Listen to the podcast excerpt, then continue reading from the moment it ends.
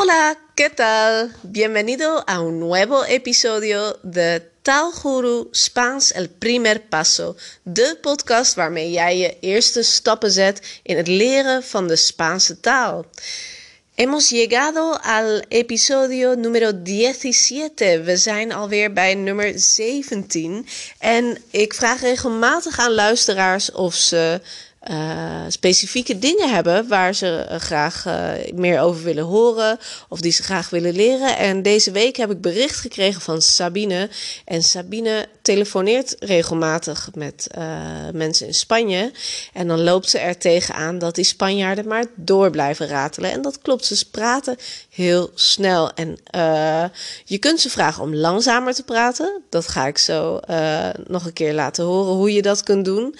En, maar hoe kun je nou echt duidelijk maken dat het, hoe belangrijk het voor je is om tot een oplossing te komen, tot dat je elkaar begrijpt? Uh, want ze praten misschien weer eventjes langzaam en dan gaan ze weer snel en weer langzaam en weer snel. Het is best lastig soms om langzaam te blijven praten. Dus uh, we gaan het hebben over telefoneren, uh, hacer una llamada telefónica, hablar por teléfono. En dan uh, ook over hoe je mensen aan de telefoon bijvoorbeeld kunt vragen om dingen op een makkelijkere manier, met makkelijker taalgebruik, uh, jouw dingen uit te laten leggen. Jouw dingen uit te leggen. Dus laten we gauw beginnen. Uh, hablar por teléfono. Nou, eerst ga je iemand opbellen. Hacer una llamada. O llamar a alguien. Llamar is opbellen. Llamar. Uh, je kan denken aan het woord, uh, je hebt het andere werkwoord llamarse, daar lijkt het op. Dat is heten, llamarse. Uh, dan heb je altijd dat stukje se wat erachter zit, wat er dan voorgeplakt wordt. Bijvoorbeeld ik heet me llamo, jij heet te llamas. En als je het hebt over bellen of iemand roepen, is dat is hetzelfde. Dan gebruik je llamar, zonder me, te of se. Dus uh, llamo a mi amigo Juan. Ik bel mijn vriend Juan. Of voy a llamar a mi amigo Juan. Ik ga mijn vriend Juan opbellen. Voy a llamar a, a la empresa que me ha vendido. Nou, nu ga ik al een hele lange zin maken. Voy a llamar a esta empresa. Ik ga dit bedrijf opbellen. Voy a llamar. Ik ga opbellen. Voy a llamar a esta empresa. Uh, nou, dus je gaat opbellen. Vas a llamar a alguien. Of je kunt ook zeggen, uh, bel je mij? Uh, me llamas? Me llamas? ¿Me llamas más tarde? O me llamas cuando llegas en casa? Bel je me als je thuis aankomt? Me llamas cuando, wanneer, tú llegas, jij aankomt, en casa, thuis. Me llamas cuando tú llegas en casa? Uh, dus, uh, of je kunt ook zeggen, llámame, vale? Llámame, bel mij, bel me op, llámame. En uh, als je dus iemand gaat opbellen, in Spanje, in het Nederlands, in Nederland nemen we op met, ja, met Linda, zou ik zeggen, met Linda. En dat hoor je eigenlijk in heel weinig andere talen volgens mij, dat je, op, dat je opneemt met het woordje met. Je spreekt met Linda. Uh, maar vaak bellen mensen ook naar mobiel. Tegenwoordig zie je natuurlijk al op je scherm wie er belt. En uh, je weet ook wie jij opbelt. En die Spanjaard die de telefoon opneemt, die gaat er ook vanuit dat jij uh, weet met wie je belt. Want jij belt naar dat nummer. Dus die gaat niet zeggen: Hoi, soy Pedro. hola, soy Pedro. Hij gaat opnemen, waarschijnlijk met diga of dígame. Dígame komt van het werkwoord decir. Decir is zeggen. En diga betekent zeg het. Zeg het maar. Dígame. Me, het stukje me erachter geplakt is mij. Vertel het me. Zeg het mij. Dígame. Dus de telefoon gaat. Jij neemt op. En de ander zegt, of de, uh, degene neemt op en die zegt: Dígame. En dat betekent gewoon: barst maar los. Vertel maar, waarvoor bel je? Dan kun je dus zeggen: Hola, soy Linda. Le llamo porque. Ik bel u omdat of want. Le llamo porque. Goed, dus er wordt opgenomen in het Spaans met diga of hola, dígame. En dan is het afhankelijk van wie je belt. Uh, bel je naar een vast nummer en je bent op zoek naar een persoon die je kent en bij voornaam noemt, kun je zeggen: Hola, Uh, está Juana? Hola, está Juana?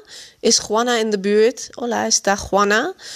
Uh, of je kunt zeggen, als je naar een bedrijf belt uh, en je bent op zoek naar een bepaalde persoon, dan zou je kunnen zeggen, meer formeel, zou ik alsjeblieft kunnen spreken met. En dat zeg je op deze manier: Buenas tardes of buenos días. Podría hablar con el señor Gutiérrez, por favor. Podría hablar.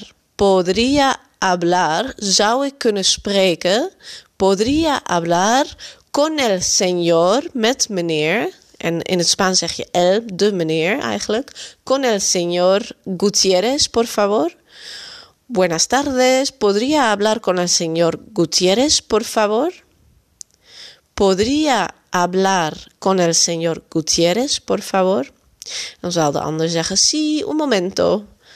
Of misschien wel, uh, lo siento, de momento el señor uh, Gutiérrez no está.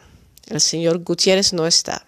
O el señor Gutiérrez está en una reunión. Es en een vergadering. Está en una reunión. Uh, ¿Puedo pasarle un recado? Kan ik een boodschap aan hem doorgeven? Puedo pasarle un recado, uh, recado? Puedo tomar un recado? Kan ik een boodschap aannemen? Puedo tomar un recado? Of wilt u een boodschap af achterlaten? Kan ook. ¿Quiere usted dejar un recado o un mensaje? ¿Quiere usted dejar un mensaje para el señor Gutiérrez? ¿Quiere usted, wilt u, quiere usted dejar, achterlaten, un mensaje? Uh, nou, dan kun je je boodschap doorgeven. Maar stel je voor, je krijgt wel meneer Gutierrez aan de telefoon. Dus hij zegt, sí, diga. Hola, soy Linda. Uh, le llamo porque. Nou, je vertelt je verhaal wat je goed hebt voorbereid. Je belt om een reden, je vertelt het. En dan brandt meneer Gutierrez los en hij begint een heel verhaal te vertellen in het Spaans. En eigenlijk kun je hem niet zo goed volgen. Dan kun je um, onderbreken door te zeggen: Por favor, por favor, uh, un momento. Lo siento, pero no lo he entendido. No lo he entendido. Por favor, alstublieft. Of perdona, un momento. Uh, moment, alstublieft. No lo he entendido. Ik heb het niet helemaal begrepen. No lo he entendido.